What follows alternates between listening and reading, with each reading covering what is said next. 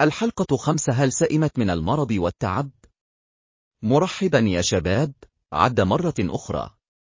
أتمنى أن تكون بصحة جيدة وأنك استمتعت بإجازة الرابع من تموز، يوليو. كما وعدت سابقا، سوف نغوص في أعماق العقلية. ما هي طريقة التفكير؟ العقليات هي معتقدات معتقدات عن نفسك وأهم صفاتك الأساسية. كنت أحاول ألا أبدو سريريا وجافا، لذلك ها نحن ذا. مثل أي قصة، يجب أن نبدأ من البداية أو على الأقل السببية الأولية. قيمنا الأساسية هي مشاعر راسخة. تأتي عقليتنا من مشاعرنا، وتشير الأبحاث إلى أن بعض المشاعر وراثية من أسلافنا. تضمنت إحدى هذه الدراسات التعاطف. قبل خمسة عشر عاما، طور فريق من العلماء في جامعة كامبريدج حاصل التعاطف إيكيو وهو مقياس تقرير ذاتي موجز للتعاطف.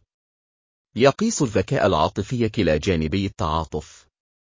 يتألف التعاطف من جزئين القدرة على التعرف على أفكار ومشاعر شخص آخر والقدرة على الاستجابة بشكل مناسب لأفكار ومشاعر شخص آخر. الأول يسمى التعاطف المعرفي والثاني هو التعاطف العاطفي. لذلك يمكنك معرفة ما إذا كان شخص ما لا يهتم بما يشعر به الآخرون أو لا يعرف كيفية الاستجابة لمشاعر الآخرين فقد يتسبب ذلك في عقلية غير مرغوب فيها. واعتمادا على مقدار تفاعلهم مع الآخرين يمكن أن تكون الآثار مروعة. في ملاحظة جانبية من الضروري معرفة قيمك الأساسية وأي شخص آخر تريد التفاعل معه. قد يعتقد بعض الناس أن شخصا آخر لا يستحق التفكير. بالمقارنة، قد لا يعرف الآخرون كيف يؤثرون على شخص ما ولكنهم على استعداد للتعلم والتغيير. على أي حال، طريقة التفكير المعتقدات يكتسبها الآباء، والثقافة، والبيئة، وزماننا في التاريخ. بدون جهد واع لتعديل معتقداتنا يمكننا أن نقضي سنا من ثمانية إلى ثمانين عاما ونشعر بالشيء نفسه حيال كل شيء. أريد أن أقدم ثلاث وجهات نظر نقدية حول العقلية. سوف نستكشف المرونة العصبية والتعلم الثابت والنمو.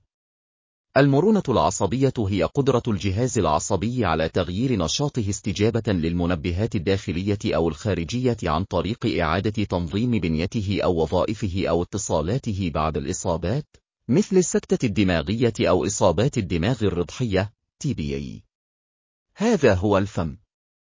أسهل طريقة للتفكير في هذا مثل ممر في الغابة.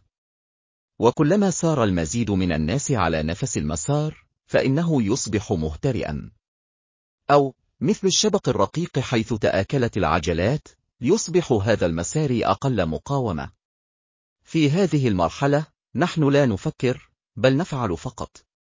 طريق جديد سيصنع مسارا جديدا. نغير حالتنا في التفكير بنفس الطريقة. تتضمن بعض الطرق التي يمكنك من خلالها تعزيز المرونة العصبية ما يلي. خذ طرقا جديدة. يمكن لكل تجربة جديدة أن تعزز قدرة عقلك على التغيير. يتحرك. أظهرت مراجعة الأدبيات لعام 2018 أن التمارين البدنية يمكن أن تعزز المرونة العصبية. مارسوا التأمل. تعلم مهارة جديدة. استراحة. أجرت كارول دويك العديد من الدراسات حول العقلية. قررت كارول دويك أن البشر يسكنون في عقليات التعلم الثابتة أو النامية. عقلية التعلم الثابتة هي مثل الشخص الذي يتعلم اللغة الإسبانية للحصول على درجة. بمجرد حصولهم على الدرجة، هذا هو للغة الإسبانية. نموذج التعلم المتنامي هو شخص يتعلم اللغة الإسبانية، ويسافر إلى إسبانيا، ويتحدث مع كل شخص يتحدث الإسبانية، ويفتح متجرا في إسبانيا ويتزوج من امرأة إسبانية. لذا واحد وهكذا دواليك. يعتقد المتعلم الثابت أنها محدودة. بينما يعتقد متعلم النمو أنه يمكن أن يتعلم شيئا جديدا طالما أنه قادر عقليا. يسعى الأخير إلى إتقان ولكنه يفهم أيضا أن الإتقان ليس وجهة بل رحلة طويلة الأمد. لقد قمت بتضمين الكثير من المعلومات. كل هذا سوف يرتبط بقوة، لا، لأننا نجمع كل الأدوات. سيستخدم الباني الرئيسي العديد من الأدوات لإنشاء تحفته. يمكنك أن ترى لماذا لا يمكن لأحد أن يقول إنني سأتصرف أو أفعل بشكل مختلف. ويكون لها تغيير فوري. وفي هذا، يمكنك أن ترى لماذا لا يمكننا ببساطة إخبار شخص ما بالتغيير أيضا. كل شيء في حياتنا هو نسيج متشابك من الأفعال. لا يهم إذا كنا نتحرك بوعي لغرض أو نتعثر في الطيار الآلي، الإجراءات لا تزال تحدث. قوة لا لا غنى عنها. لا يهم إذا كنت تعرف ما هو جيد أو سيء بالنسبة لك إذا كنت لا تستطيع أن تقول لا للشر ونعم للصالح. مع كل هذه العقلية التي تحدث، قد تبدو مربكة أو ساحقة. ولكن هذا ليس لأن التقييم الدقيق للقيمة الأساسية والتحليل يمنحنا وصولا سهلا. إذا كان الأمر جيدا معك، فهذا هو السبب في أن نهج التدريب على الحياة الخاص بي يحقق نتائج ملحوظة طالما كان هناك التزام وقبول للعملية. أنت محق إذا كنت تعتقد أنك ستنجح أو لا تصدق أنك ستنجح. على أي حال، عد إلى ميندسات.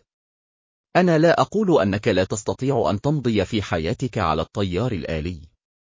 لكنني أتذكر أن الساعة المكسورة صحيحة مرتين في اليوم. ومع ذلك، لن ترغب في ضبط الجدول الزمني الخاص بك على تلك الساعة. لا أعرف عنك، لكنني رأيت مجموعة من الأسباب للتوقف عن الطيار الآلي. وتغيرت حياتي في كل التفاصيل حيث أصبحت أفضل وأفضل في عدم استخدام الطيار الآلي. عندما يمكنك فهم principles of minds في نفسك، ستراها في الآخرين لأننا جميعا بشر. سيكون التواصل في وظيفتك ومع العائلة والأصدقاء مرضيا وموضوعيا. ستفهم لماذا يجب أن تتفاعل مع بعض الناس بينما تتجنب الآخرين. أنت الآن جاهز للفصل التالي من تطورك.